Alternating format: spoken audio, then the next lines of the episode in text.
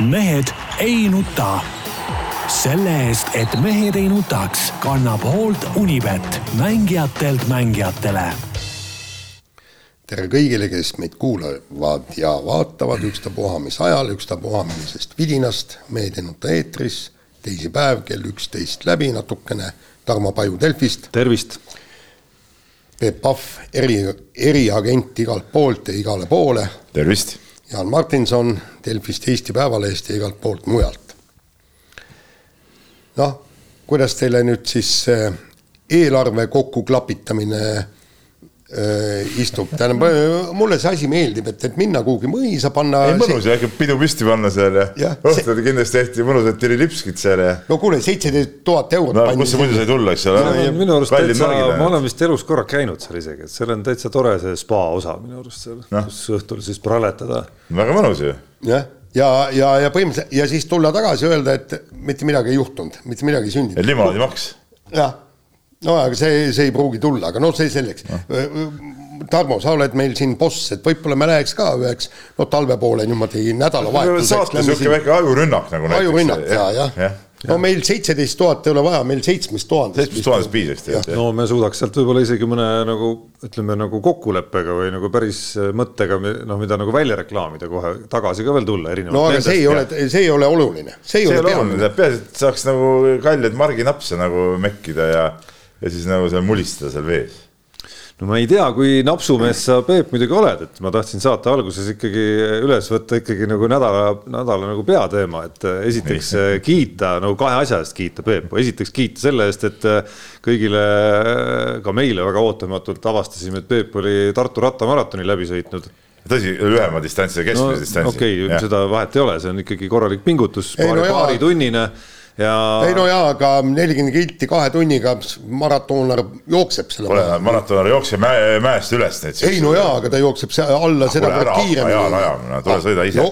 No, ma olin esimeses pooles minu arust eh, tulemusega. ühesõnaga, ma arvan, et see väärib kiitust, aga ja. veel rohkem väärib kiitust ikkagi see, et äh, nägin Peebu postitatud fotot Facebookis pärast ja ohohoo pärast kõiki neid aastaid, pärast kõiki neid rappimisi, mis siin laua taga on toimunud, üsna värskelt alles Äh, näen Peepu poseerimas seal, ratas on nii-öelda taustal ilusti nii-öelda nagu väsinud nägu on peas. ei olnud väsinud, rõõmsalt naerata. no selline pingutusest rõõmus nägu, ütleme selline, noh, selline nagu, et noh, konti ei murdnud, eks ole, aga et noh, otsustasid seekord natuke kergemalt võtta, ei läinud selle viiese jooksikute grupiga kaasa ja, ja. noh, tegid nagu. nagu, see ei, ei sobinud, ütleme treeningplaanidesse ei sobinud hetkel selline nagu võidu, võidu peale sõitmine, aga, aga selgelt loomulikult tähelepanu ära äratas äh, minul äh, üks purk, mis oli Peebul käes.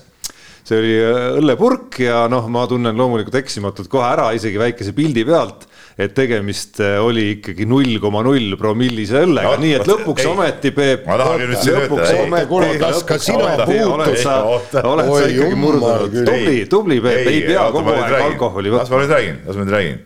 ja see on üks kuradi pettus, noh. ei noh, finišis, eks ole inimesed niigi pilt poolest eest ära. oota, oota, oota, oota, oota, oota, oota, me just rääkisime, sul ei olnud pilt eest ära. ei no ikka. sa tegid tuled, ju kerge sõidu. vastupidi, ma olen seal ikka lõpus spurt, eks ole, tead.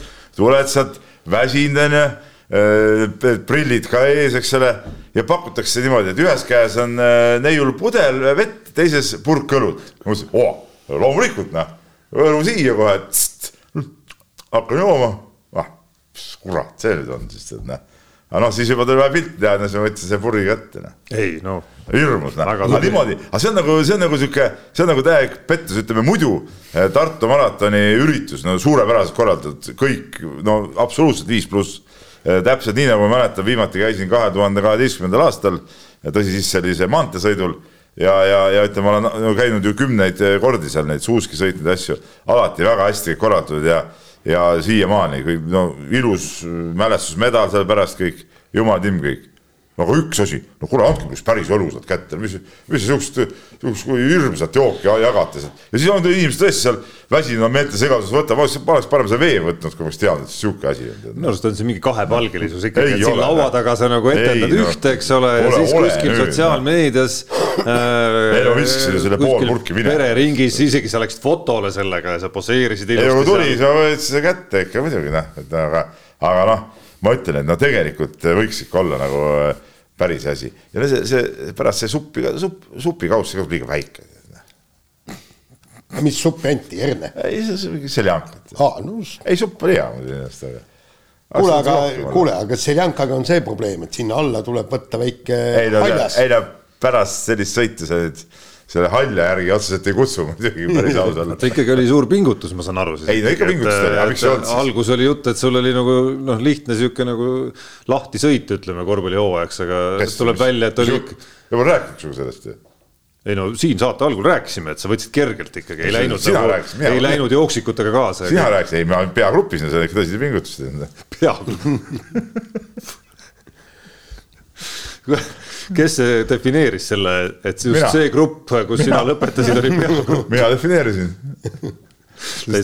tähtsamad mehed olid seal. tekkis huvi, okei sellepärast. kusjuures, kui rääkida veel tähtsatest meestest, siis mul on üks lugu veel, mis Peepu puudutab, et nee. Eh, kirjutab mulle üks eh, lähedane eh, sugulane siin paar päeva tagasi eile vist. see oli alatu laim, ma arvan. ei, see ei olnud alatu laim okay., sulle, ma arvan, ma ei teagi, kas see lugu meeldib sulle või mitte, onju, kes oli sattunud siis Keila tervisekeskusesse ja uurib, noh, ta ei ole nii spordifänn ja huviline, et ta nagu väga täpselt teaks meie kõikide tegemisi. noh, minu, minu oma loomulikult teab, aga et, et kas see Peep Pahv, et kas ta on seal Keilas kuskil või? nii ja mis siis selgus, oli see, et ta kirjutas mulle, et, et ta oli seal sattunud Keila tervisekeskusesse ja nägi, et mingi tuttav mees, tuttava näoga mees, et tundub nagu mingi tähtis poliitik, nii ta kirjutas mulle. ja siis natuke läks nagu aega mööda, siis ta jõudis arusaamale, et oi, et see on, see on ju Peep Pahv ah.. et näed, sa jätsid tähtsa poliitiku mulje. tähtsa poliitiku mulje, no see, nojah, aga miks ka mitte. ma ei tea, kas see on hea või halb, aga ütleme viimaseid poliitikute tegusid vaadates see nagu positiivne ei ole muidugi tead noh, aga noh ma ei tea, miks sa käid, miks sa käid, miks sa käid tähtsa poliitiku näoga ringi? ma ei tea, ma ei käi, mul ongi sihuke nägu. Veel hullem. No ikka oleksid, aa muide, äh, kui te olete tähele pannud, vaata Peep, sind kutsuti vist äh, üks partei Isamaa kutsus sind endale. ja. ja nüüd ma vaatan, et kui, kui palju on see Isamaa nüüd tõusnud, nende nii-öelda poolehoidjate arv ja siis ma hakkasin, äh, hakkasin arutama, eks no naisega istume ka ja arutame. ausalt öeldes praegusel hetkel ongi Isamaa, tundub, et ainukene mõistlik variant, et nemad ei ole suutnud veel ennast kõrvuni täis teha. ja, ja, ja, ja tegelikult nii ongi ja, ja kusjuures ma ei imesta, et nende poolehoidjate arv aina kasvab. no on jah no kui sa täna peaks tulema erakorralised valimised, keda sa valid, Reformi valid või? Ma ei tea, keda ma valin, aga ma ei ole kindel, et ma Isamaad valin ausalt öeldes. ei no keda, keda siis? okei okay,. Parvel Pruunsild tõmbab niite ja mehed tegutsevad. ei, aga okei okay,, siis valid EKRE-t, ega rohkem võimalusi pole. ei no alati alati on mingi võimalus. ei no, ole. siis nendest oh,, tuleb nendest variantidest midagi siis nagu välja valida. sotse või? Isamaa noh, täis teinud, küsimus on maitses, ma ei tea, pensionireform minu arust oli kindlasti väga vale asi, mida tehti. See, no seda tehti jah, aga osad inimesed on õnnelikud, nii et võta, kust tahad, okei okay,, aga see ei ole veel nii hull ja ma olen ka selle vastu, eks. aga, aga neil on uus juht ja kõik, aga okei okay,, see selleks. kuule, lähme spordiga edasi, Peep äh, peab äh,. ühele intervjuule minema. jah, et ühesõnaga, mis me, mis me peame umbes kaksteist, viisteist umbes. ei no kaksteist, kakskümmend ütleme niimoodi jah. Peebu tempos läheb sinna, kus sa pead minema, ma arvan, viie minutiga. ja ma pean siit kõndima parklasse. Aa, sa oled autoga sinna? kuhu? T1-e? jah. millega siis? ah õige, T1, ma ei, ma ajasin Solarisega sassi, mõtlesin. Solarisse muidugi, Solarisse vist tõesti läheks autoga, ma arvan, umbes viis korda kauem kui jalgsi vupsti läbi, läbi Tammsaare pargi, eks ole, ei sinna ikka ei lähe autoga okei okay,, lähme spordiga ja, ja ilme... no, ma tahtsin mainida, ma unustasin mainida ka no., siin on laual meil äh, selline raamat nagu Lapse spordiaabits, Tanel Tein, riigikogulane, saatis meile selle Tartu Rocki klubi vist on selle väljaandmise üks initsiaatoreid, aga, aga tundub täitsa tubli kraam, kui ma sirvisin seda vähemalt, et ma saan aru, et kaks järge on sellele veel tulemas siis äh, nii-öelda vanuserühmade järgi. jah, okei okay,, aga no ei tea, vaata omal ajal sai sporti tehtud ilma igasuguste käsiraamatuteta ja. miks? Äh, minul oli küll, oli sihuke raamat kunagi kaheksakümnendate keskel, võib-olla kaheksakümnendate alguses sihuke, see oligi kiiremini, kõrgemale, kaugemale. seal ja, oli ja, ja. erinevate spordialade õpetus no,. seda ma kasutasin küll, sealt sai mingeid huvitavaid mänge vahest seal. oli vist, oli vist kiiremini, kõrgemale, no mingi sihuke raamat no, oli igatahes. omal ajal, omal ajal, nagu mina aru saan, ei saadud isegi äh, Äh, abielus oldud ilma raamatute avameelselt abielust ei no muidugi. ei no see. sa said teada üldse, mis siis tegema no, peab, abiellud, mis tegema peab. no, ei no see no., sellepärast Nõukogude Liidus ju seksi ei olnud ja siis järsku võtad raamatu lahti, loed. Tohoh, et kas niimoodi siis või tehakse mees-naine omavahel pimedas teki all. et, et, et. mis ainult pimedas? jaa ja, ja, ja olgem ausad, et äh, sinnamaani keegi ei teadnudki, et siukesed üldse olemas on. ja, ja, ja, ja kusjuures ja, ja see, seda saad teada ainult kuidas see jada käis siis, no ma olen natuke uuema aja äh, laps ikkagi, et, äh, et jada. ütleme noh, kui sa olid, äh, ei, ma mõtlen nagu ütleme noh, hakkavad tekkima esimesed äh, huvid vastassugupoole vastu, esimesed tutvused, esimesed pruudid võib-olla isegi Äh, varsti jõuad juba mingi tõsisema suhteni, eks ole, aga need suhted on kõik ikkagi olid või püsisid, ütleme vähemalt seni, kuni seda raamatut läbi ei olnud töötanud, püsisid nad ikkagi, ütleme siis noh noh, ütleme sordiini all siis niimoodi. ei, ei, no, ei, ei oota, sa, sa ei saa ikkagi aru, sa ei ole ikka, sa ei mäleta seda õiget aega. tähendab, äh, kaks äh, tulevast äh, või praegust kommunismi ehitajat said kokku, on ju, eks. meil oli ju täpselt, meil oli ju äh, partei äh,, partei eetikakoodeks, seal oli kõik, et kuidas see oli äh, noh, et armastus ja kõik lugupidamine, kõik niimoodi, eks. ja siis saigi niimoodi teada, et, et ma valin selle, selle naise välja, kellele mul on tunded, on ju, eks nii, ja siis me lähme kapsapõllule ja kapsalehe alt tuleb leida laps endale. või siis kurt toob, teine võimalus, eks, hakkad kurge ootama. no või siis oli see, et sa läksid õnnepaleesse, tegid nii-öelda selle akti seal ära, eks ole, said ja siis said selle raamatu, said õiguse üldse selle raamatu läbi töötada ja siis said, ütleme siis noh, kui sa kiire olid, siis juba esimesel ööl õnnestus sul võib-olla nagu õige peatükk läbida. aga see raamat ju ilmus kaheksakümnendatel, enne seda ei olnud. Kõik, kõik, kõik inimesed said kurgedet lapsi. Ja, ja kusjuures pärast seda suures Nõukogude Liidus teati, et seks on olemas, teati ainult Eestis sest see oli ju eestikeelne raamat. kuule, tuhat üheksasada seitsekümmend neli on see. see siis seitsekümmend aa okei no seitsekümmend. see oli tõlgitud. minu sündides. tõlgitud vist jah, jah.. minu sündides oli see raamat olemas juba muidu sind ei olekski võib-olla. muidu sind ei olekski võib-olla jah, väga tore, et su vanemad nagu selle raamatu üles leidsid kusagil. aga kusjuures mina, mina, mina, mina ise ei mäleta ka, kas, kas minu tõi kurg või mind leiti kapsalehe alt, aga, aga üks neist kahest variandist. Seda seksi on. nii on. nii, kuule, aga lähme. Lähme nüüd spordi juurde, jah. spordi juurde ja eelmine nädal tuli, tuli noh, põrutav, mis põrutav noh, ühest küljest üllatav, teist, teisest küljest mitte üllatav uudis, palkasime lask-, laskesuusakoondise etteotsa vägeva välistreeneri, teaduskraadiga inimene ja kõik, et äh, meie laskesuutamist äh, uueks viima ja nüüd siis selgub, et, et temaga nagu väga ei tahetagi treenida ja ei Rene Saatna, Raido Ränkel, äh, Johanna Talihärm Äh, loobusid tema teenetest, lahkusid äh, grupist, hakkasid omaette treenima, mis, mis kõige, kõige kurvem, räigem ja arusaamatum on see, et nad, äh, laskesuusa liit võttis nad ka nii-öelda stipendiumilt maha.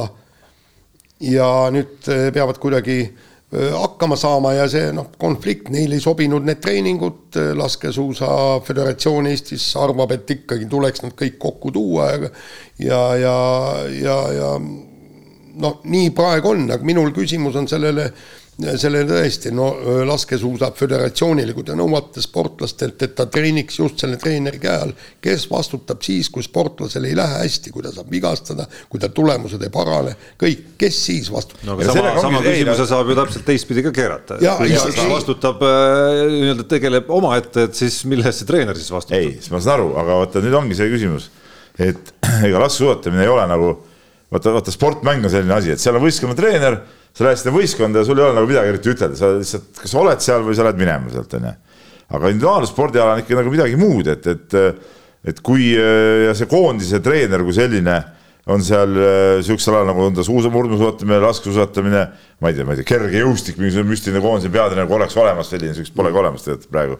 et, et need on ikka siuksed nagu, nagu mingid üldis, üldiste asjadega tegelevad inimesed, et, et tegelikult ikkagi iga sportlase ettevalmistuse eest vastutab, tal on oma treener ju, eks ole, noh.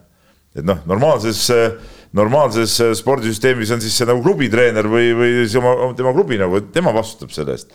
praegu, praegu on meil noh, sihuke nagu põlve otsas ja need sportlased osad teevadki nagu oma, oma plaanide järgi või siis nii nagu Tuuli Tominga tiim teeb siis Dobrelutsu plaanide järgi onju. et, et et ja siis sportlane saabki ise valida, eks ole, kui ta, kui talle see koondise peatreeneri plaan ei meeldi, miks ta peab siis selle, sellega seal koos tegema? Noh? kuigi teisalt ma saan aru, ma saan sellest mõttest nagu aru, et koondis võiks olla kõik koos ja mingi ühtne värk, aga seal nad võivad koos olla, aga ja, ja peaksidki olema, aga iga sportlane peaks saama teha siis oma plaanide järgi seda tead. ja need plaanid lihtsalt aga..., lihtsalt eh, peatreeneril on info nende plaanide kohta, aga ta ei hakka nagu määrama, et kuule, sina teed nii, sina teed naa, see ei ole nagu võistkonnasport. ja aga noh, sellega sa ju päris suure osa ajast löödki selle tiimi nagu lahku ikkagi noh, et kui Rene Tsahkna, no see on konkreetne näide, tahtis äh, igal juhul osaleda sellel suvisel, mis tal oli, mm või, või EM, eks. ja, ja selle uue peatreeneri nägemuses ikkagi sellel ajal koondis pidi olema kuskil mägedes ja tegema raskeid mahutreeninguid, eks ole, siis need kaks asja on omavahelises vastuolus.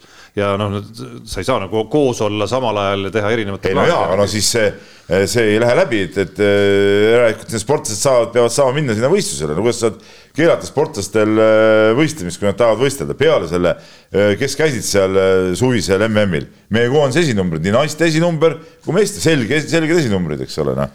no kuule, halloo, no kui me nüüd ütleme neile ka, et oh, te ei tohi nii teha või te ei tohi naa teha, no siis see ei ole, see ei ole ka õige, noh. ja, ja, ja üks asi, mis kogu selle loo juures on, on veel nagu minu arust veider, on siis see, et et siis ühtedel ikkagi on nagu mingi erand tehtud, noh, okei okay,, see oli nagu varem teada, aga mis siis et kui see on varem teada, et siis võib erandit teha ja siis, kui, kui äh, saad nagu hiljem teada, et siis nagu erandid ei kehti. et see nagu, see jutt, mis äh, Kauri Kõiv äh, sellest asjast rääkis, see oli nagu minu jaoks imelik, mõtlegi ise, et Kauri Kõiv ise ka ju vana koondise mees ja ta on nende kõikide meeste ja naistega koos ju seal võistelnud ja teab, kuidas need asjad käivad, noh, ütleme, kui talle see koondis, ta ütles, et tema treeniks hea meelega selle peatreeneri käe all, noh, palun väga, eks ole.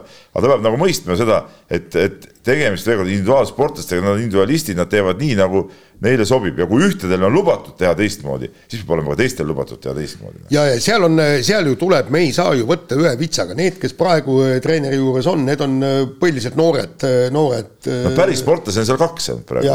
aga, aga, aga nad on noored, eks, ja nüüd paneme sinna kõrvale Ränkeli, kes on kolmkümmend pluss, kes on tegelikult kogu neid mahutreeninguid ja värke kõik teinud, tema organism ju töötab hoopis teistmoodi, eks, et ja, ja, ja ta noh teine asi, mis, mis talle ei meeldinud, ütles, et mis pagana rullsuuskadel kullimängud ja siis veeretame, veeretame seal teineteise peal mingeid inimesi ja no seal ja. oli telekast oli ka paras jabur oli, tundus, eks, okei okay,. no seda aga...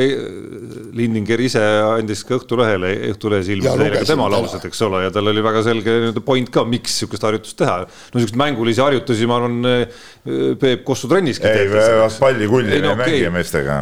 no mingeid asju kindlasti jalkat vahepeal toksite või no mis iganes. nalja teed? ei toksi või no,? ei, ma ei mõtle keset hooaega kuskil suvel ettevalmistuslaagris näiteks. see on äh, ikkagi nii vigastusohtlik, no et ei, pigem ei ikka. ja, ja, ja teine, teine asi on ju see ka see, et, et äh, mis ühele sobib, teisele ei sobi, eks, et ja, ja, ja noh, sportlane nagu vastutab ise ju tegelikult tulemuse eest. absoluutselt, see ongi, see ongi see point, et see ei ole võistkonnasport, kus treener vastutab tulemuse eest, vaid tulemuse eest vastutab seesama Johanna Talijärv, äh, Rene Sahkna, Raido Ränkel, nemad ise või Tuuli Tomingas, nemad ise vastutavad oma tulemuse eest. ja, ja, ja, ja, aga mida siis peatreener vastutab üldse?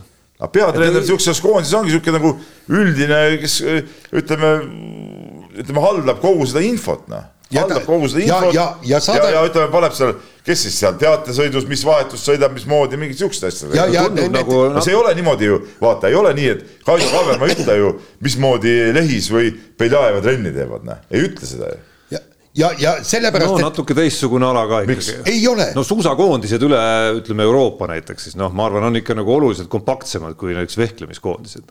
ja okei okay,, aga, aga saad aru, seal, seal on tähtis, on see, et äh, peatreener on tegelikult, ta on koordinaator.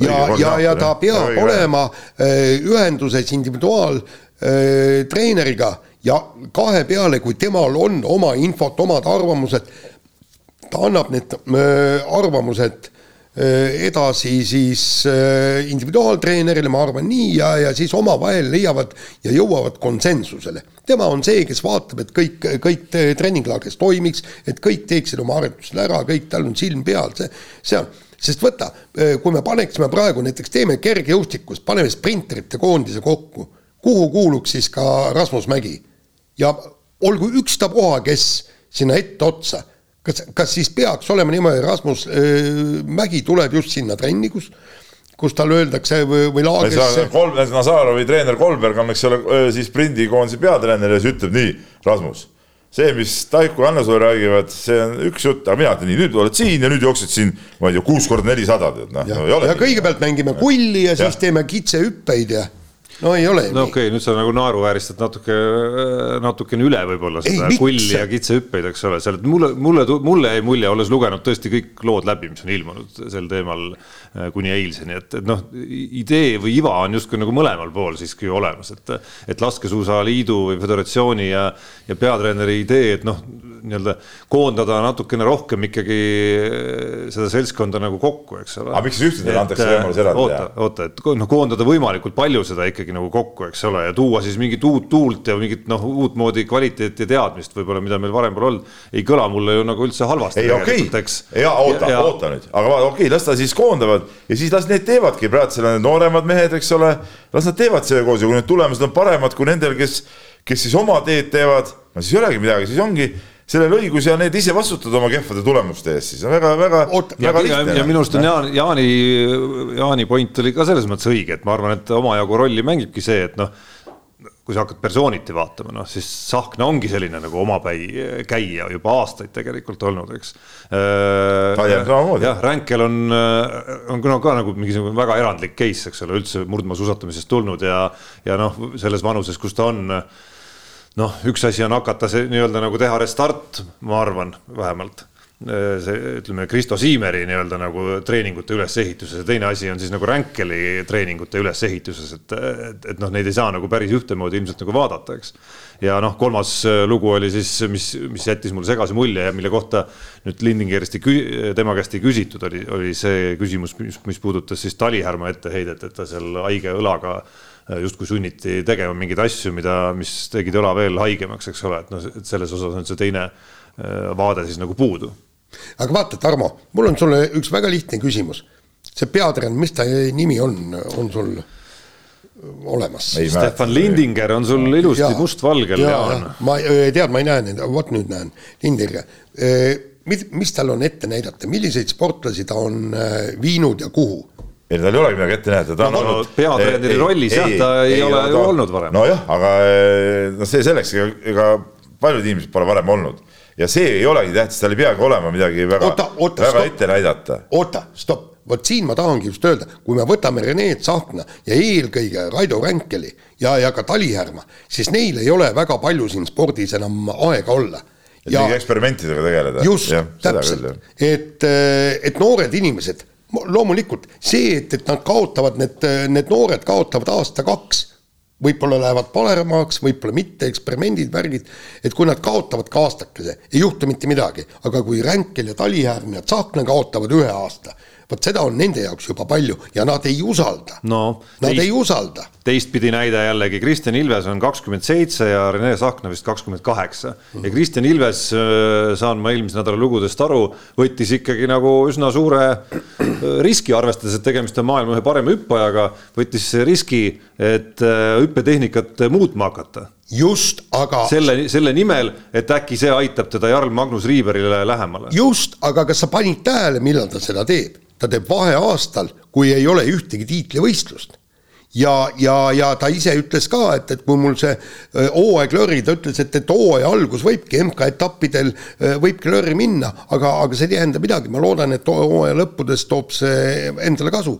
ja, ja, ja, ja kui ta selle aasta omadega pekki läheb, ei juhtu midagi, seda saab kõike tagasi pöörata. sest noh, ma ütlen, mingi iva on minu arust ka selles Lindingeri lauses, et Eh, noh, vaadates nendele samadele meie sportlastele otsa, et, et noh, kas ja mis arengut nad siis nagu näidanud on, eks ole, nende oma plaanide järgi tegemisega, et kas on siis väga suurt või mitte, on ju, et äkki mingit muutust teisalt jällegi nagu oleks vaja mingit uut lähenemist. kui no. tahta siit mingisugune nagu areng või hüpe no, edasi no, teha. see on tema nägemus, aga ma ütlen, okei okay,, on kuidas on, aga mida nagu alaliit on tegi kõige kehvemini, oli see, et just see toetuste äravõtmine, noh. see nagu, sellest ma ei saa nagu aru.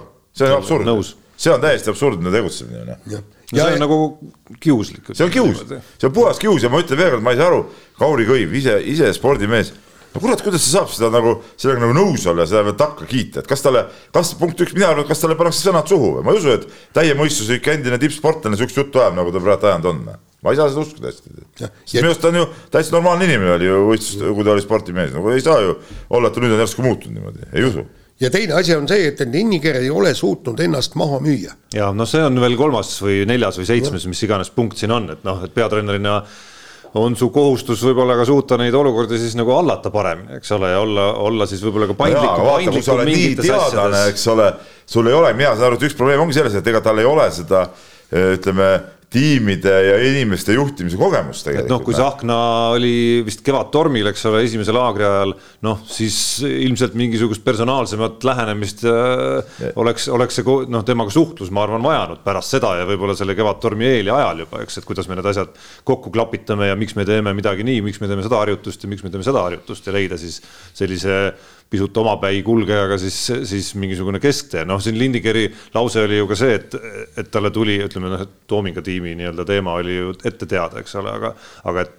nii-öelda need muud, kasvõi seesama Tsahkna või Talihärma nii-öelda oma nägemused asjadest, et need tulid talle nagu üllatusena, on ju, et, et see on ka etteheide siis justkui laskesuusa või tema palkajatele, et, et see osa oli võib-olla siis nagu kehvasti läbi räägitud äh, olukorras, kus noh, oleks võinud ette ennustada, et, et sellel pinnal tekivad mingisugused äh, arusaamatused, et seda oleks võinud kohe alguses siis hakata ju nagu nii-öelda mitte pehmendama, aga noh, nii-öelda nagu leidma seal ikkagi, informeerima ja rääkima sellest ikkagi avatud kaartidega rohkem kõikidele osapooltele. ja, ja kusjuures see äh, lõppkokkuvõttes võibki see asi olla sedavõrd absurdne, et MK-etappidel hakkavadki osalema mitte koondi, koondisse mittekuuluvad sportlased peamiselt, kui me võtame no,. tõenäosus on ju väga suur, sellepärast et, et noh, väga raske on uskuda, et need noored, kes seal praegu seal nii-öelda koondises on, et need suudavad, ütleme neid äh, vanu tegijaid, isegi kui nendel ei ole kõige parem päev, nad suudavad neid üle mängida, no see tõenäosus on väga väike no mida iganes seal tehakse, nagu väga raske on näha ka, et nagu nipsust, noh, oletame, et Lindingeri meetodid on kõik head ja sobivad ja, ja nii edasi, et, et sealt nipsust hakkavad kohe nagu esimesest kuust mingid tulemused tulema. no just. Aga meie vahetame teemat ja, ja ei saa siin nii-öelda treenerist, äh, esin-, Eesti esindustiimi treenerist mööda ka järgmises teemas. sellest on nüüd küll natukene aega juba mööda läinud, ehk et äh, Eesti jalgpallikoondis oma viimase äh, valiksarja akna lõpetas juba ikkagi päris mitu head päeva tagasi. Läksime siit laiali eelmises saates ja ja meenutasime siin. Keegi, keegi Urmo Soonvat pakkus mingit müstilist tulemust sellele mängule, ma mäletan. kas no, olete talle selle peale nina peale visanud? no absoluutselt ja ma arvan, et Eesti aasta jalgpalliajakirjaniku tiitel väärib ikkagi, kas äkki isegi nagu äravõtmist selle eest. mina, nagu ma mainisin eelmises saates, läksin ja. vastupidi, Pohlak ju ütleme äh, piiritu optimismi eest, ma arvan, annab talle üks, üheks aastaks veel selle tiitli. niipidi. muidugi, ta on ju, Soomlased on ju Pohlaku toetaja kuidas ta muidu sai sihukest juttu rääkida siis? Nojah, ühesõnaga mina läksin teda uskudes, läksin, nagu ma rääkisin eelmises saates, läksin, panin ka meie Unibeti mängus panuse. Äh, koefitsient oli kakskümmend üks, aga aga jäin sellest. tühjad pihud nagu ütleme. tühjad pihud üsna kiiresti. kas äh, Ummi maksis välja sulle seda? Äh, seal oli oma puent veel, õhtul, kui me läksime laiali toimetuses, siis ta küsis, okei okay,, et mis see sinu pakkumine siis on. ja ma pakkusin, et äh, viis-null jääb see tead ka või? oleksid võinud sellele panna. ja ei, no lõpp, lõppes asi ikkagi sellega, et üks lõunasöök läks sinna nagu vahele ikkagi, nii et ma nüüd ootan Äh, ootan, äh, ootan seda, millal nii-öelda luna, luna, luna, lunastamiseks läheb, kusjuures ma läksin null neli seisu peal Belgia mängul, läksin äh, vist hambaid pesema või midagi, kuskile ma läksin, ei, ei vaadanud seda lõppu. ja kui ma tulin tagasi sealt, siis oli proua Paju oli teleka välja lülitanud juba nii, et ma nagu lõpptulemust nägin alles hommikul. vaata, kus sa kord. absoluutselt. vaata, kus sa kord, proua lülitab teleka välja ja kõik, kõik., mees laseb kõrvatonti, jah, kallis, tulen, teen, mis sa tahad no kas no. õnneliku elu saladus ei, ei peitu ei. selles? kui on sport siiski. televiisorist, siis mingid õnnelik elusaladus on see, et okay, siis, nüüd... siis televiisor on spordiülekanne. jaa, aga nüüd me jõuamegi selleni, et äh, kui on sport, siis tõesti, aga, aga kas need kaks mängu üldskooriga null kümme oli ikka päris see sport, mille nimel telekat soojas hoida või mitte. selles on selle teema, ma arvan, kõige põhilisem äh, küsimuse püstitus ja, ja, ja mida me siis nagu nägime, et, et kaks-null viis kaotust ja päris huvitav oli lugeda erinevaid äh, kommentaare siin nädala jooksul, äh, kus ühes otsas olid noh, näiteks Marek Lemsalu ja Raio Piiroja, kes seal ikkagi utsitasid eriti oma kolleege siin äh, keskkaitses ja kaitse poole peal peeglisse vaatama teravalt ja keha andma rohkem ja, ja, ja nii-öelda nagu võitlema seal rohkem. aga teisest küljest oli ikkagi ka väga selgeid ütlejaid. väga huvitav analüüs Vjatšeslav Sahovaikolt näiteks, kes ise ka treener ja täitsa korralikul tasemel treeneril ju mis ikkagi tegi päris äh, selgeid vihjeid minu arust ja etteheiteid ka peatreener Toomas Häberli suunas nii koosseisu valiku kui ka taktika osas ja selle osas, et kuidas ta on suutnud või kas ta on suutnud selle meeskonna siis nagu nii-öelda võitlema panna, ühte hingama panna ja, ja kõik need asjad, mida treener peaks tegema. no tegelikult olid need ju kaks mängu olid äh, täiesti kohutavad, et just selles mõttes, et, et me oleme ikkagi läbi elanud ka veidikene paremaid aegu aga, aga kui me vaatame seda mängu. päris ammu juba jah. jaa parem aeg oli mingi kaksteist aastat tagasi. jaa, aga, aga kust, kust me, nõus, aga kust me sealt oleme kukkunud? maailm on läinud. jah, maa, jah, maailm on edasi läinud ja me ei ole sellega kaasa läinud ja, ja tegelikult üks asi on see null viis, aga kui me teeme ühes mängus teeme ainult ühe pealelöögi väravale või ja, ja teises mängus umbes, et ei tee ühtegi või ei oligi vist üks, üks pealelöök, see, mis posti läks äh, teises mängus. teeme ühe pealelöögi väravale, no andke andeks, kas, kas seda asja saab nimetada jalgpalliks? no mina mõtlen seda, et, et kui meil on äh, selline koondis, nagu ta praegu on ja kui meil on toodud välismaa peatreener ja kui ta ei suuda ikkagi tuua sellist erakordset äh, hingamist ja teha midagi nagu erakordset selle võistkonnaga, siis minul on ikka see küsimus, kas meil on ikka mõtet mingit välistreenerit sellisteks mängudeks nagu pidada. et see on nagu, see on nagu ajuvaba, et, et, et ma arvan, et neid eh, selliseid treenereid, kes eh, sellel tasemel selle asja ära teeksid, on, on kindla peale meil seal olemas eh, selles seltskonnas.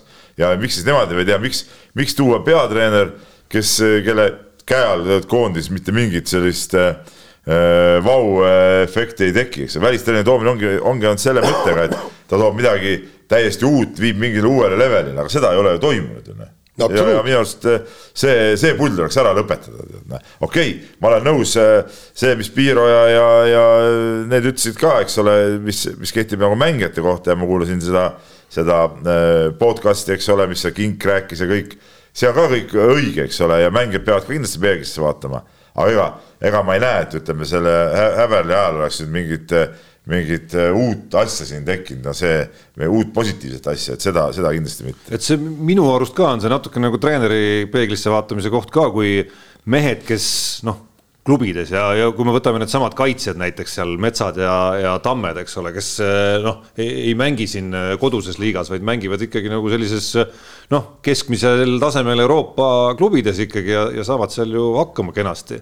ja ei tee selliseid eksimusi, ei lase nii vabalt seal vastastel tegutseda karistusalas.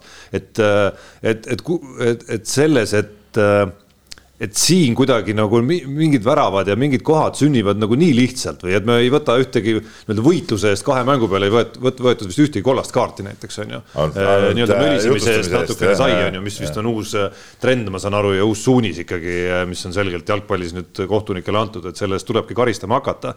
et, et kui seda nagu võitlust ei ole või sellist nagu noh, mida me näeme kõikidel edulugudel, noh, võtame selle Läti koss, muidugi on to, noh, tore näiteks tuua, on ju. aga noh, isegi kui nad ei oleks jõudnud nii kaugele, kui nad jõudsid ikkagi noh, sealt õhkus mingisugune selline ekstra, mille see treener oli suutnud sellele võistkonnale nagu anda, et ja siin see, seda efekti nagu ei paista väga, et mis asi see üks on, millele näpp peale panna, mida ta on siis suutnud nagu paremaks teha.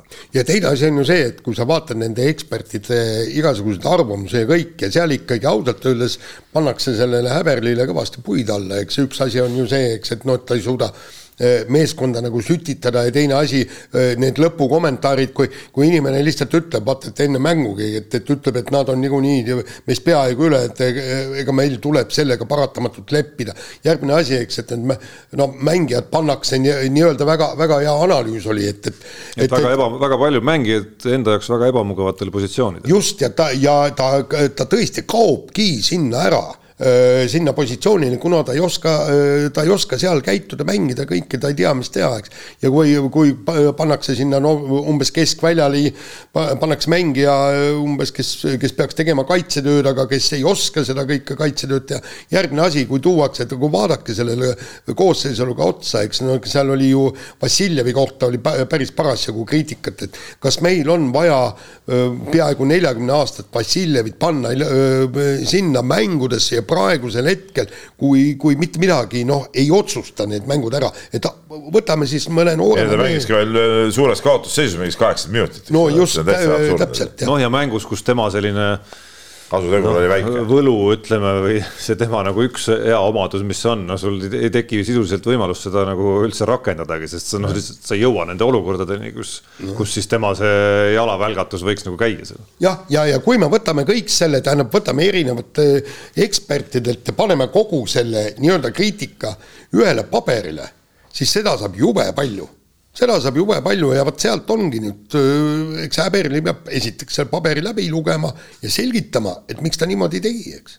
Seda noh, tegelikult isegi natukene nagu soigumist, mida sa, Jaan, mainisid ka, et, et noh, kui kehvad me ikka oleme, see nagu läks minu arust tema suust ikkagi nagu üle võlli, mismoodi sa siis nagu järgmine kord nende suurte vastu lähed siis trenni meeskonna ette ja hakkad rääkima, et noh, tegelikult äh, uskuge endasse, me oleme tegelikult äh, väga head mehed, me suudame võita neid, me suudame mängida võrdselt, kui me hästi võitleme, teeme hästi seda-teist. et noh, need asjad on ju omavahel vastuolus, natuke nagu, natuke nagu olid vastuolus ka ja ei töötanud minu arust ka võrkpalli EM-il see, et ma nagu noh, justkui avalikkuses räägin, et me nagu võtame siin kergemalt, aga siis riietusruumis ikkagi räägin, et no üritame võita, on ju. ja, ja see Tarmo Rüütli, mäletad, mille pärast ta sealt eest minema, minema nii-öelda pühiti ja sellepärast öeldi, noh, põhimõtteliselt tema läks hurraaga peale, eks, et ta oli niisugune noh, umbes, et davai mehed, lähme paneme ja kõik nii. aga see tõi tulemust, see tõi tulemust ja muide, ma sain telefonikõne Andres Sõbralt pärast eelmist saadet ja ta ütles, et äh, ühes asjas mul oli väga täpselt õigus olnud, vaata see võrkpalli EM-i puhul. ta ütles niimoodi, et kõik mängijad oleks pidanud mängima kõikides mängides, mängudes iseasi, kui palju ja, ja hakata takka, takkajärgi mõtlema päris õige, miks mitte anda neile kasvõi pool game'i, et, et, et ta on nagu selles mängus sees ja, ja, ja. kõikides mängudes, ütleme mäng, mis seal läheb äh, niimoodi tera peale, noh, ma ei tea kogu lugupidamises Andres Sõbra vastu, ta ise ei kasuta kahtteist meest kõikides mängudes. Noh. ei no me räägime, me räägime ikkagi praegu EM-ist. no räägimegi, no aga sa paned, kui sul on see mäng, kus sa pead võitma, eks ole. ja kuidas sa kõiki mängijaid kasutad siis milleks? ei, ta rääkis tippmängijad, tippmängijad, vennod ja kõik, oleks pidanud mängima igas mängus, mitte, mitte kõik mehed, aga tippmängijad just need, neid ei oleks tohtinud jätta pingile, lasta kasvõi pool geimi. aga kas sellest kuidas... midagi muutus, kas ütleme, kui Venno mingi mäng seal ei mänginud, kas ei, see on tema midagi... arvamus. ei see..., ma saan aru, ma saan aru, ei ma mõtlen lihtsalt praegu nagu teistpidi, et, et kas sellest läks midagi Venno mängus näiteks kehvemaks, ei, ei. ütleks, Venno mängis ikkagi väga korraliku turniirina. jaa, aga, aga samas sellesama Serbia vastu, kui sa oleksid nagu see oli, et, et Venno seal esimeses game'is oleksid võinud seal teatud seisu pealt, kus meie olime ju ees, eks sealt oleks Venno sisse saanud, me oleks võib-olla selle, selle game'i ära võitnud ja tont teab, mis sealt edasi oleks tulnud. jah, no ma kujutan ette, olemata Andres sõbraga rääkinud, kui me jalgpallist läksime võrkpalli juurde, et see oleks võib-olla aidanud nagu hoida sellist natuke teistsugust noh, nagu aurat üleval, et ei ole see, et ahah, me nüüd tõstsime mingid mehed ringi ja me justkui see mäng ei olegi noh, ongi selline nagu vahemäng meie jaoks on ju. et sa nagu planeeridki selle puhkuse andmise nagu teistmoodi, et ei, ma ei anna mingeid vahemänge, vaid ma lihtsalt jaotan koormust ühtlasemalt, et noh, ütlen ära, meil on kaks ma ei tea, noh, ütleme siis sisuliselt äh, võrdset diagonaali ja ma siis kuidagi roteerin neid nendes mängudes, kus äh, seis hakkab käest minema, roteerin nagu vabamalt lihtsalt. võib-olla see oli see mõte seal. aga mis jalgpallis, no tähendab, ütleme niimoodi, et me võime siin kisada, karjuda ja, ja arva, arvustada ja arvata täpselt see, mis, mida me tahame mitte midagi, see, sellest ei muutu, meil on ikkagi ainult öö, mingisugused kuningad selle jalgpalliliidu otsas, kes võtavad vastu otsuseid, kes kes peaks Eesti koondist juhendama, niimoodi paraku ta niimoodi on ja, ja siia juurde panna Eesti klubide euromängud. no nii põhjas, nii põhjas ei ole meie jalgpall ilmselt mitte kunagi olnud nii, aga lähme edasi kerge atleetikaga ja Rasmus Mägi jooksis teemat liiga finaal, finaaletapil Eugene'is USA-s teist korda elus aja alla neljakümne kaheksa sekundi. väga kõva jooks ja ta tervikuna väga kõva tasemega jooks, et oli ta selle tulemusega siis. ütleme, ei mahtunud sinna lõpu finiši kaadrisse korraks. päris jõhker ikka. sellise tulemusega, noh. jah, ja, ja, ja see teebki selle asja pagana jõhkraks, et sa jooksed elu teise tulemuse eks. tõesti ülikõrgest. ja, ja, ja muide, ma just vaatasin ka telepildis, ta ei mahtunud sinna äh, kaadrisse, aga sealt on äh, ainukene positiivne asi, mis ma sellest välja lugesin, sest see ei tähenda ju midagi, sa võid joosta tõesti oma isiklikke Eesti rekordi ja kõik, aga kui sa oled ikkagi maailmas seitsmes, noh, siis see suurt ju väga ei maksa.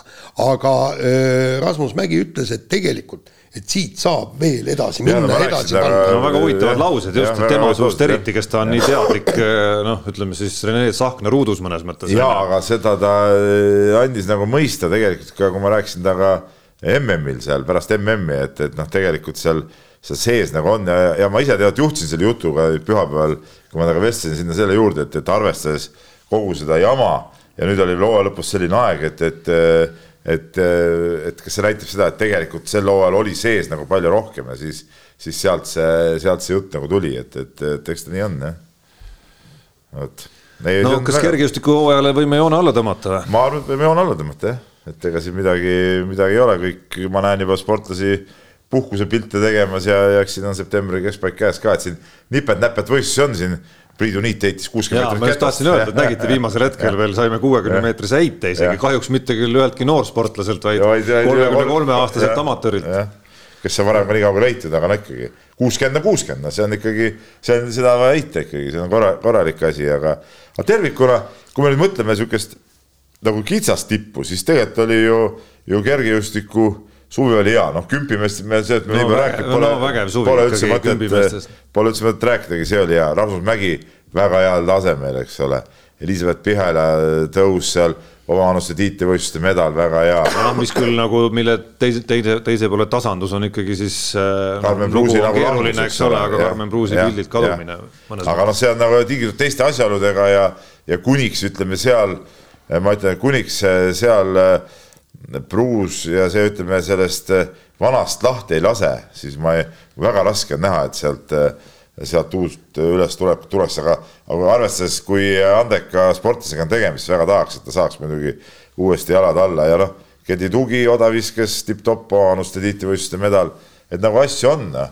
et võib-olla kõik ootasid seda Nazarovi vägevat sprinti no,, et okei okay, ta tegi, ta tegi ka. selle Eesti rekordi ära seal hooaja alguses, aga ütleme sellist ja ma, ma usun, et tal endal ka kripeldab, et sihukest õiget seda sammu veel, mis ta tahtis teha, ta ei teinud, no lõpuks ta pääses MM-ile peale, no see juba näitab ära, et sihukeses maailma kontekstis see selline aeg ei maksa tead mitte midagi. no ja, et kui sa võrdled sellega, mis ta on siis äh, sisesuurvõistlustel saanud. aga kui me vaatame, ta ongi sisevõistluste mees ikkagi, kui praegu vaadata tegelikult on ju, et kõik paremad asjad on sees tegelikult teinud.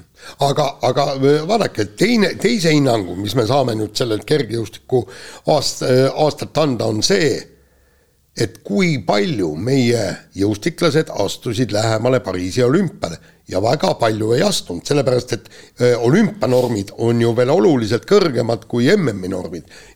kümnevõistlejaid selge, kolm, kolm venda läheb, sellega ei ole, Rasmus Mägi läheb, kõik, aga edasi no edasi ongi nüüd, no ütleme, äh, seal on ka see reitingu äh, küsimus, eks ole, et noh, ma usun, et sama, noh, Pihela, Tugi, ütleme, need on siuksed sportlased, kes, kes võivad sinna peale saada, aga et me nüüd näeks tõesti, et, et mingisugune eriline, eriline tõus oleks, et mingi õudne seltskond nüüd tuleks ja, ja ründaks seda olümpiat, jah, seal mõni, mõni võib veel saada meil, noh siuksed ütleme kaks-kolm tükki veel, aga, aga, aga mingit suurt, noh, Pipi-Lotta Enok näiteks naiste seitsmevõistluses, ütleme selle hooaja põhjal ka, kes tegi tead ennast mainimata noh, väga-väga korraliku arenguhüppe ja kui ta samamoodi edasi läheb, siis mina usun, et tema näiteks olümpiale äh, jõuab küll, aga ütleme siukseid, siukseid selgeid äh, tulijaid, noh, ma räägin, et, et sellele seltskonnale, kes MM-il praegu käis olümpial noh, üks-kaks sportlast juurde, ma rohkem ei usu. Ja sellesama Enokiga on ju ka, ma ei usu, et ta normiga pääseb. norm on ju kuus tuhat, kuus tuhat nelisada kaheksakümmend võtsin lahti vahepeal jah, et kui, et noh, kui rääkida sellest, et kes on meie nii-öelda potentsiaalne medalisportlane, eks ole, siis noh, siis võiks äh, esimene eeldus olla, et ta saab normiga peale, mitte teistmoodi. normi täitmisega ja siis hakkad neid norme vaatama siin saja meetri jooksus, meestel on kümme koma null null näiteks.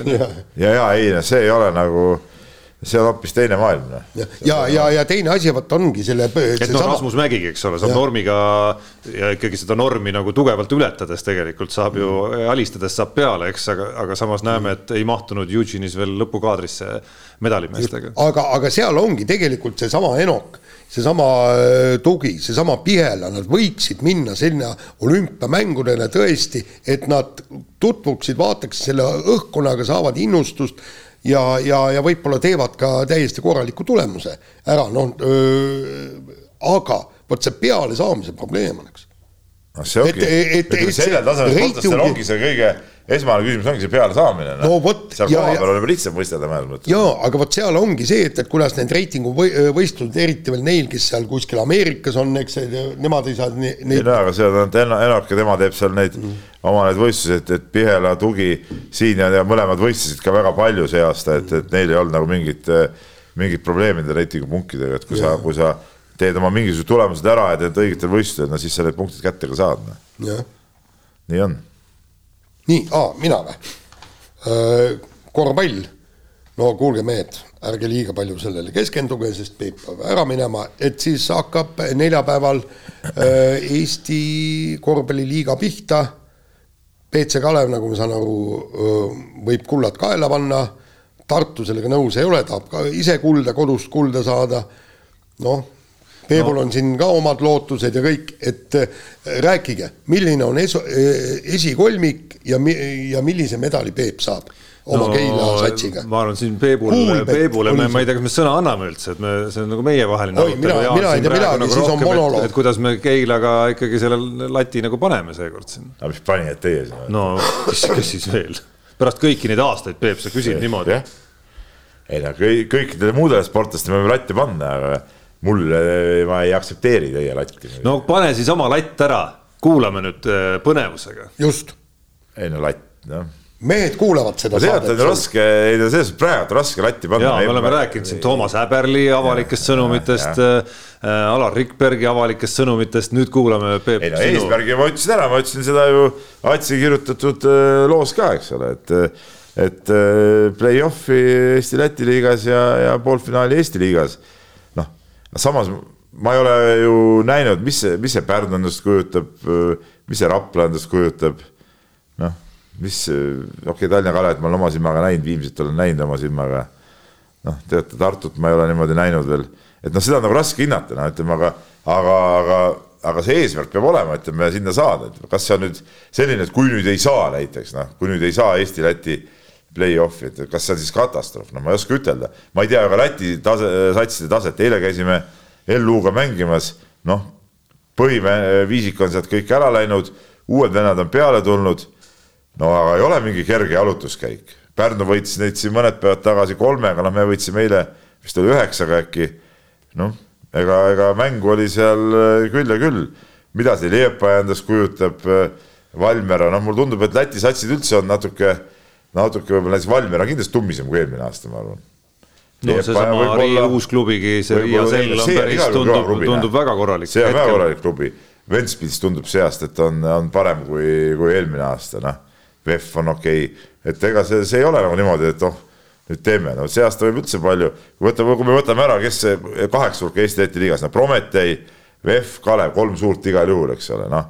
Eestist, no võtame veel Tartu, nii neli kohta on läinud juba võtame siis, äh, võta Lätist Ventspils, noh, siis ongi see Selli on juba, eks ole, kuus, noh, võib-olla see, võib-olla me Sellit hindame üle praegu, ega ma ei tea, ma lihtsalt pakun. no siis, siis ongi, siis jääbki kaks kohta veel ülejäänutele ja ma arvan, et see pudru seal noh, tegelikult ka Pärnu ikkagi eurosarja satsina võiks ka ju tugev olla. jah, kuigi hooaja nii-öelda no, nagu no, esimese no, eelnädalal no, vähemalt ei ole näita, väga. Need ei näita eh, täpselt seda, seda seisu. aga ütleme, kõik see ülejäänud muu muu sats, ütleme seal kohad, ütleme seitse kuni ma pakun välja mingisugune neliteist võib täiesti vabalt olla nii, et et seal mingit vahet ei ole sisuliselt. noh, teistpidi, teistpidi, kui me läheme kodukamarale, noh siis ikkagi midagi ei ole öelda, et eks üks selle kahe hooaja vahelise perioodi märksõnu noh, on selline noh, kuidas öelda, keeruline aeg, ütleme, et ega, ega nagu noh, ei ole vist ühtegi klubi, võib-olla Tartust kostub kõige vähem, äh, on kostunud ja noh, Peebu tegemisi ma lihtsalt äh, natuke võib-olla omavahel rää, tänu rääkimisele tean nagu rohkem, on ju, aga noh, Tartust on võib-olla vähem kostunud sellist, et noh, on nagu raske-raske, et et noh, me näeme, kuidas Viimsil on läinud väga raskeks, eks ole, kuidas Raplal on pigem läinud öö, äh, oma eelarve kokkusaamise ja, ja sama taseme säilitamisega keeruliseks, eks ole. noh, Tallinna Kalev on üldse teinud sellise nagu äh, järjekordse restardi ja natukene ettearvamatu, mis sealt tulla võib, et eelmisel aastal justkui oli tummisust, aga see koolsus kunagi seal tööle ei hakanud tegelikult päriselt.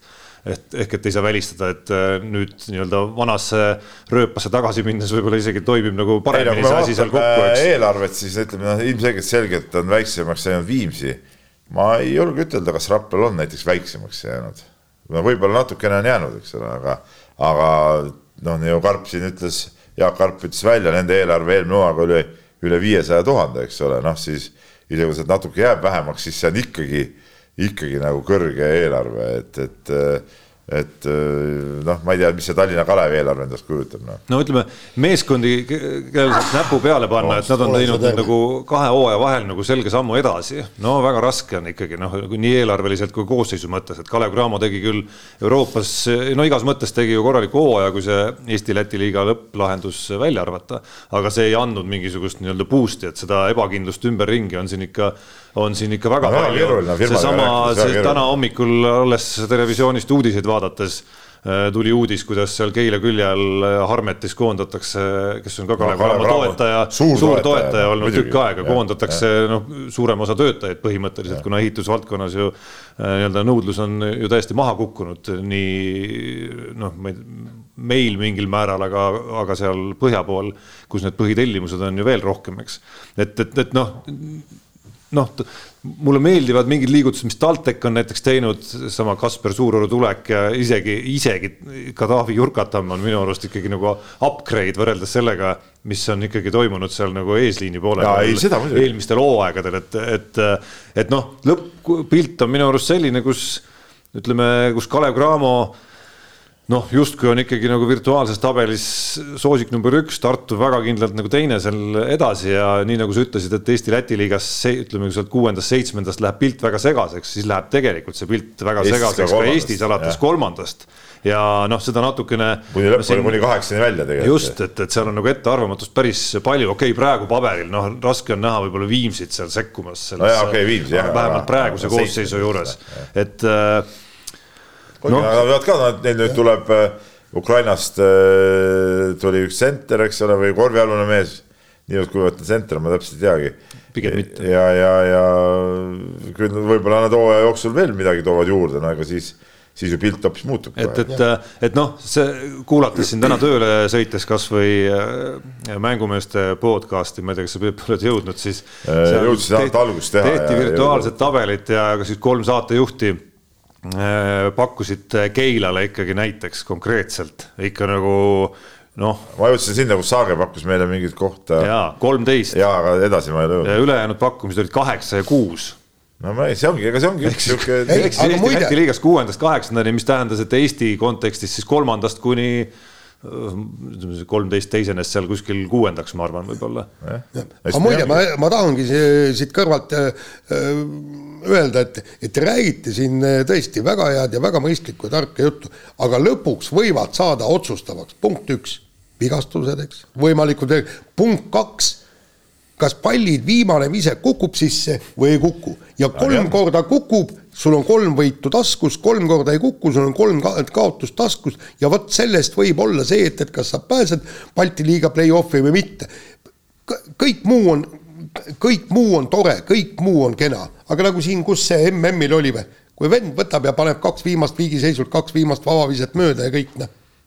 mis sa teed siis? noh, jah, täpselt ja see, see ei näita, et su, su meeskond nagu üleüldiselt nagu kehvem oleks.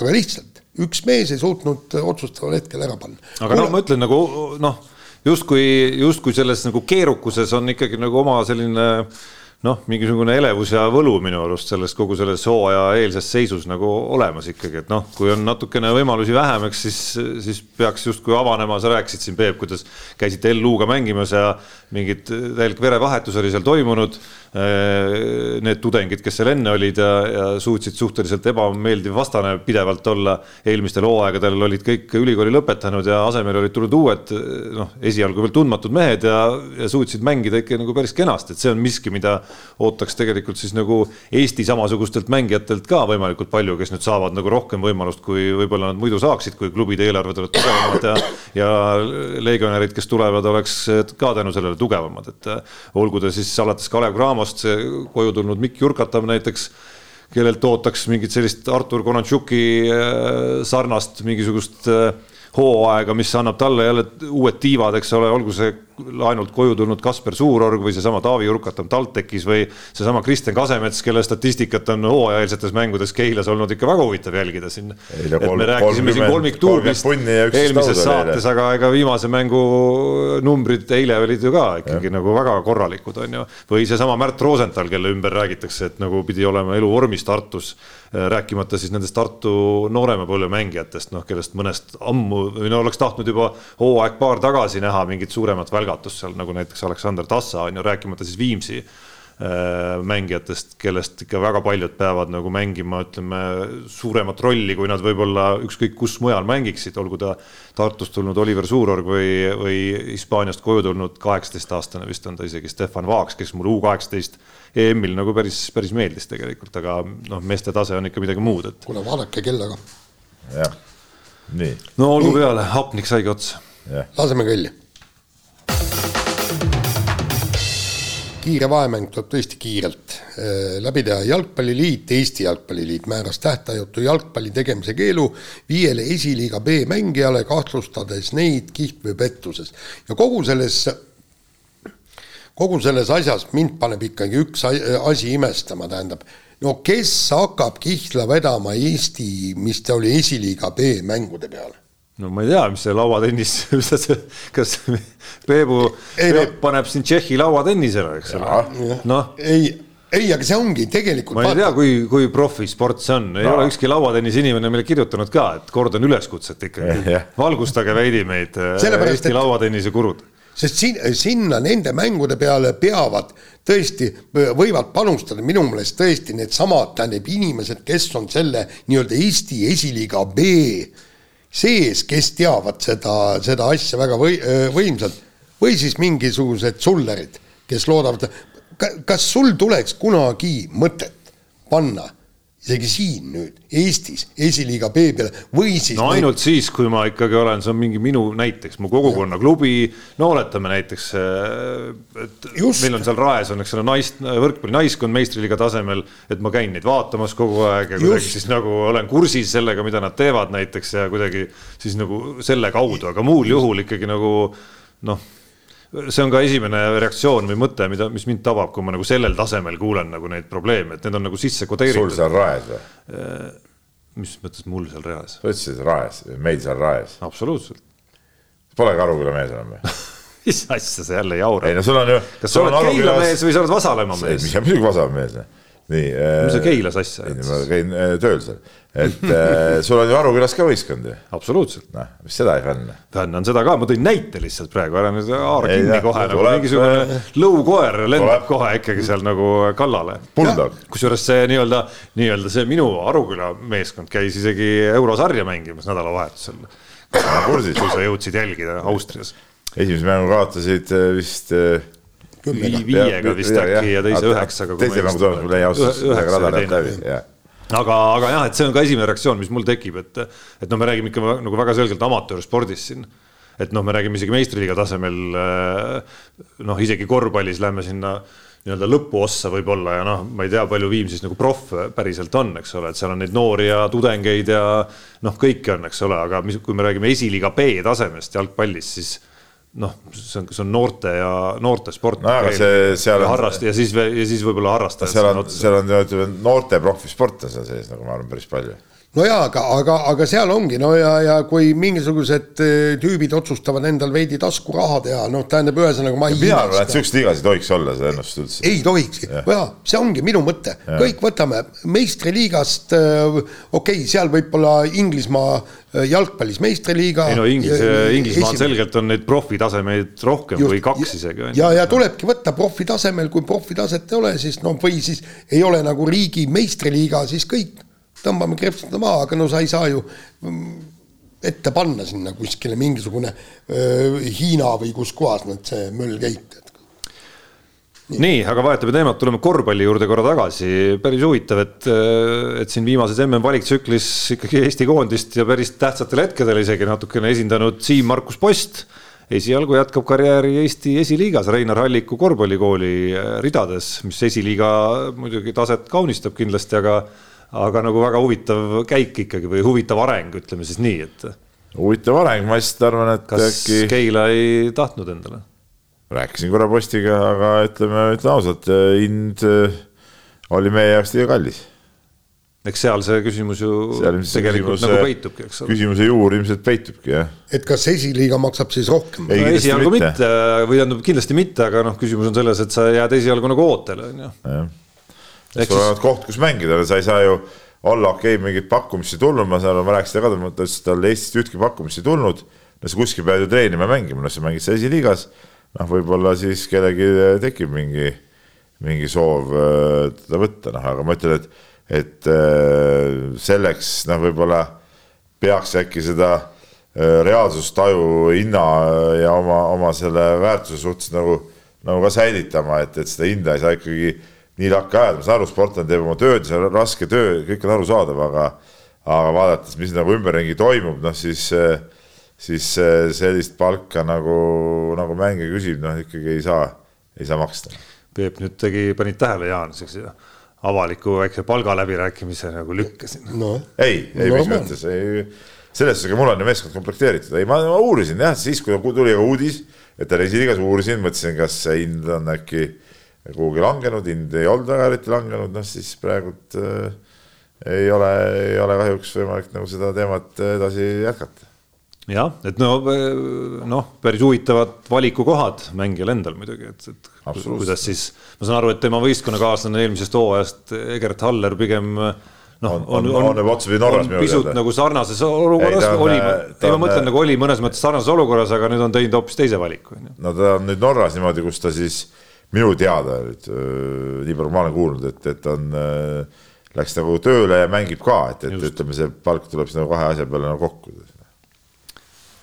nii, ah soo, minu enda kord ja mõnda aega siis ka spordihuviliste jaoks võib-olla ja ajakirjanike jaoks radari alt kulgenud Mart Seim sai tõstmise MM-il kümnenda koha ja usub, et on suuteline kindlustama endale olümpiapileti. no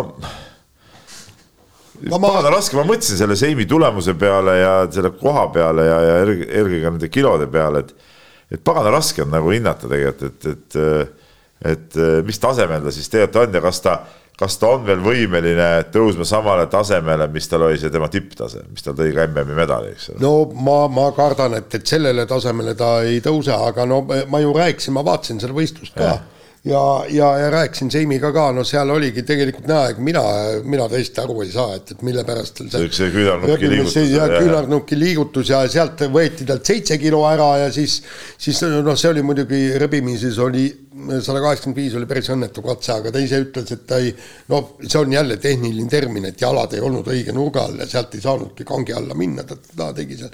aga ta arvas, et kui isegi kui nad need tulemused oleks ära teinud, oleks ta väga ligilähedal olnud sellele, et nagu ta ütles, nelisada kakskümmend viis on vaja selleks, et, et pääseda äh, Pariisi olümpiale ja ta arvas, et, et et, et see, see on kõik kenasti võimalik ja tehtav, et sealt ei ole kuradi tosin kilo juurde panna, et no tegelikult ta ei tohiks olla probleem, aga noh, kuidas tervisega jälle on ja kuidas tehnikaga jälle on ja kuidas vormi kogumisega on, kolm võistlust on nüüd äh, jäänud, üks on nüüd detsembris, siis on veebruaris on EM ja siis on veel Tais on üks kohustuslik võistlus, kui sa tahad olümpiale saada, et ma arvan, et ta teeb ära, aga noh, loodame, me, me tahame ju rohkem Eesti sportlasi. praeguse seisuga, ega meil olümpiadelegatsioon ei ole väga, väga midagi kiita, kui sa mõtled, kes sinna üldse võib saada ja, ja mis seisud on, ega ega see mingit massia nagu ei paista sinna minevat. no põhi, põhimõtteliselt mina ju hoidsin ikkagi nendel silma peal igasugustel nendega nii-öelda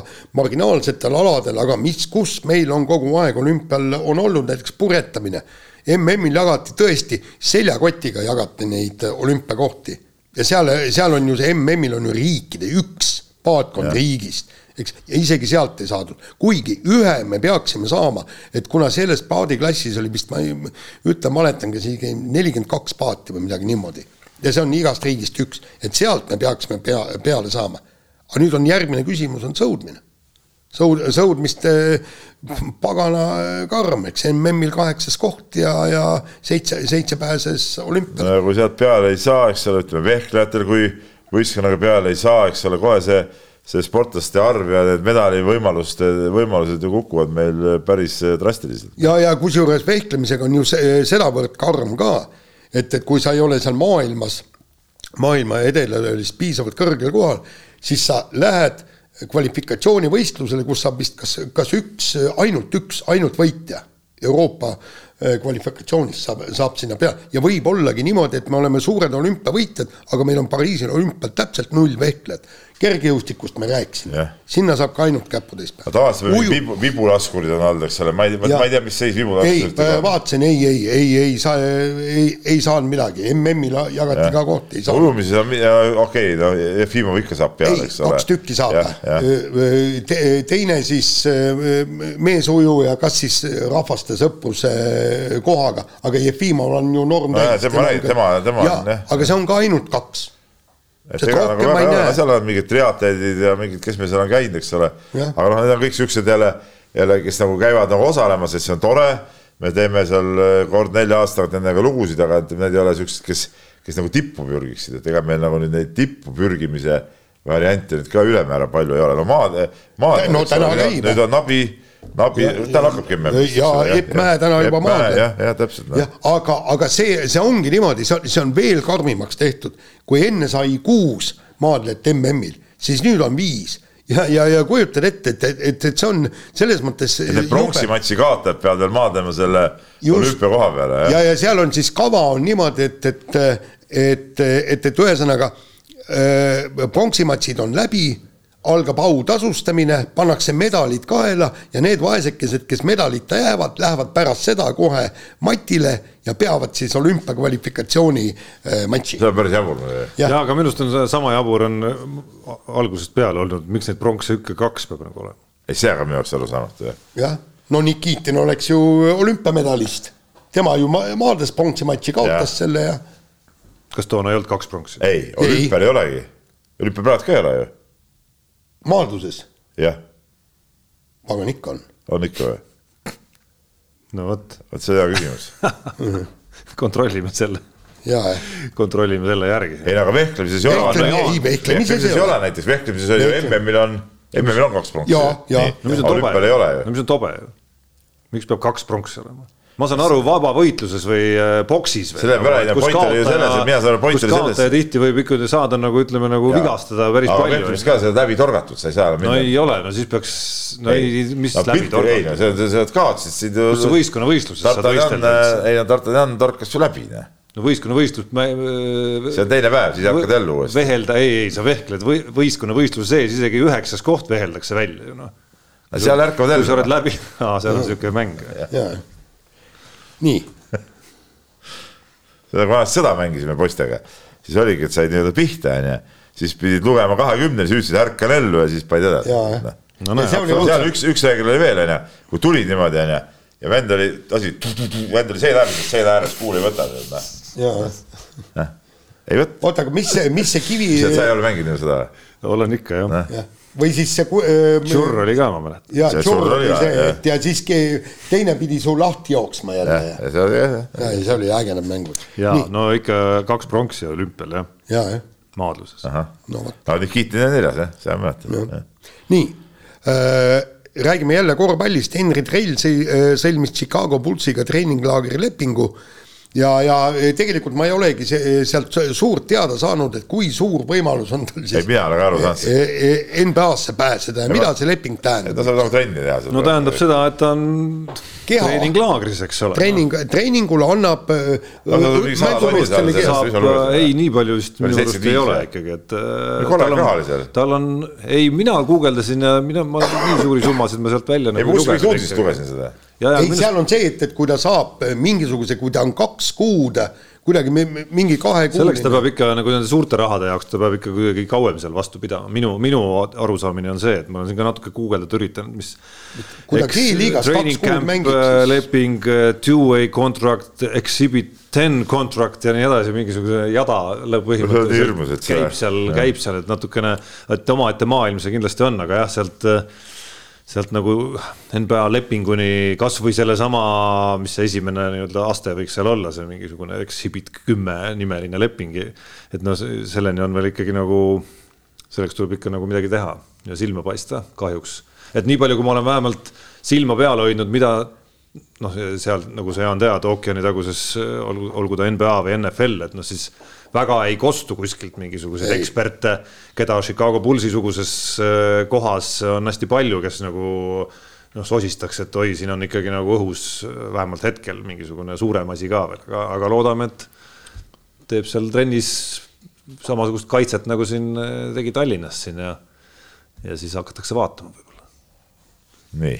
nii, aga selle saatuse lõpetuseks äh, võrkpalli EM sai ka vahepeal lõpplahenduse ja Georgia Gretu, meie endine peatreener, viis siis Sloveenia pronksini. no saad aru, treener arenes, Eestisse tuli noh, nii-öelda algajana, kõik siis tegi siin mitu head aastat tööd, arenes sinna tasemele, et võib võistkonna pronksini viia. ja, ja ma arvan, kui oleks ta praegu Eesti koondise peatreener olnud, no seda saab kahtepidi vaadata, Sloveenia on ka hõbedaid võitnud, äh, nii et noh, et Sloveenia jaoks äh, ei ole see mingisugune, et näed, nüüd esimest korda saavutasid lõpuks midagi, et Sloveenia ongi kõva. no just. et seal, seal see latt asubki natukene teises kohas, kui, kui võib-olla me siin oleme harjunud. ma ei tea, kas te finaali juhtusite vaatama? Äh, nägin kahte viimast geimi, jah. no see oli ikka vägev tegelikult noh. see, see, see, mis tasemel mängu mängitakse, mängitakse EM-i finaalis et ütleme, Eesti mehed, ka tublid mehed, aga ütleme, ei suutnud nagu paigutada neid sellesse mängu ausalt öeldes no.. sest, sest absoluutselt kõik, nii kaitse kui ka serv ja, ja need tõsted no,. serv, serv oli juba tappev ju. no täpselt noh. ei no see Leoni teise game'i servima minek, see oligi ebareaalne täiesti, saja kolmekümneseid serve lajatas kuskile tahajoonele. jah ja, ja siis, ja siis, kui sa vaatad, kui, kui pannakse see tõste, kui kõrgelt seda lüüakse, noh teine maailm. nii, aga laseme kõlli.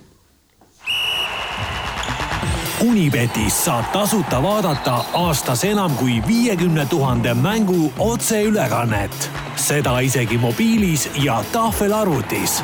Unibet, mängijatelt mängijatele no nii, oma, oma eelmise nädala nii-öelda kurtmised kurtsin ma siis ära ikkagi, et usaldasin, usaldasin oma Äh, ülemust ja, ja aasta jalgpalliajakirjaniku Urmo Soonvaldi. panustasin Eesti üks-üks viigile Belgia vastu ja, ja noh, siin sellest ma ei ole taastunud ikkagi, ütleme sellest pettumusest, ma olin ikka kindel ikkagi, et et noh, ma võisin ise küll null vist pakkuda, aga noh, ikkagi usaldad ikkagi noh ära pimedusega löödud inimesi ei maksa nagu unustada eh,, usaldada. nii on. ei no ma olin ise ka pimedusega löödud, noh, ikkagi nagu usud pimesi, vaata noh no minul oleks küll paremini no,.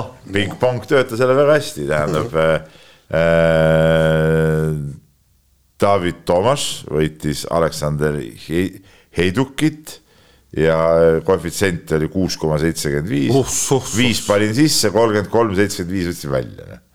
et ütleme, see oli, see oli teada, et, et Toomas on praegu heas vormis ja ütleme, see koefitsient on nagu vale ja nüüd mul on kolmsada kakskümmend, viiskümmend neli no mina sain seevastu pikki pükse. et, et, et läksin suurt kala püüdma äh, vormel üksse ja lootsin, et Mart, äh, Max Verstappen kuidagi ving, vingerdab sealt üheteistkümnendalt kohalt võitjaks, no et, et Red Bull on nii kõva, eks, no vahepeal oli, sõitis teisena ja kõik ta-ta-ta ja kõik nii, et virutasin kümme sisse, koefitsient oli kaheksa, mõtlesin, et, et et, et kaheksa, kaheksakümmend eurot laekub arvele, ei laekunud. ja siis, aga et tasandada seda natukene, siis panin ka Inglise liiga peale et äh, kahe mängu konventsioon, ma ei mäleta, kes seal oli, Chelsea või kes, kes mängis, vaatasin ja, ja põhimõtteliselt kumbagi ei saanud täppi niimoodi, et, et, et, et, et, et ühesõnaga sain, sain täielikult vastu pükse. ei maksa Jaan tegeleda nende alade ennustusega, kes sa ei tunne. no ei, absoluutselt. võta nagu minust eeskuju. jah, no peab ka. kes see võit, kes see võitis selle? Mille? matši sul. kes seda heidukit võitis? Toomas. David Toomas või? ahah, okei okay., ma läksin nüüd huvi pärast jutu taustaks ikkagi nüüd nagu vaatama, et kes need mehed on, kelle peale sa siin panustad, et Va. Aleksander Heiduk näiteks on, on siis nagu selline selline härrasmees, no ma näitan siia ka ilusti siia kaamerasse, et tegemist on ilmselgelt tegemist on ilmselgelt ikkagi. aga ta oli soosik, ta oli, ta oli koefitsiendi poolest selge soosik, näe. no kuidas ta kaotas siis selle? no aga ma teadsin, et Toomas on heas vormis, näe. ja, ja no David Toomas ikkagi tundub vähemalt nagu noorem. Äh, aga, mi, aga nagu... mitte oluliselt. see on mingi nohkar mingisugune, aga, aga ma teadsin, et ta on hea praegu. raha tuli, näe. no vot. aga siuksed mehed mängivad. siuksed Peep, kirjad, sul on viis okay, minutit. ja, nii palju ütlen, et eripanusena ootame. oota, palju sul, oota, ütle, palju sul raha on? Äh, nelisada üheksateist äkki. aa, sul ikka nii palju veel, jah? okei okay,, nii. ja no ma ei, me ütleme, ma nii pimeda usuga ei olnud ikkagi äh, Urmo võimete osas veel, et ma ikkagi no, panustasin näpuotsaga sinna ainult. ei, me mõtlesime, sa paned kogu raha ju. nojah, sellest nüüd mind võiks lahti lasta, et ma ei usalda ikkagi nagu piisavalt ja aga ühesõnaga jah, et uue nädala eripanuse osas hoiame pilku peal äh, nädalavahetus, eriti siis neljapäeva äh, koduse Kossuliiga avalöögil Tartu ja, ja Kalev Cramo vahel. kahtlustan, et Kanguri lahkumismängule võib-olla ei teki siiski, kuigi vaadates, mis lauatennist siin ja. ikkagi pakutakse meile, siis ma arvan, et Janar Taltsid ja Kristjan Kangurid on ikkagi nagu. No, kuule, aga kui sa leidsid äh, siuksed fotod, siis järelikult tegemist on kõvade vendadega ju noh. no järelikult noh no aga kangurist taltsist ma leian ka fotod kerge vaevaga, nii et võiks äh,. kas plaanite minna ka vaatama?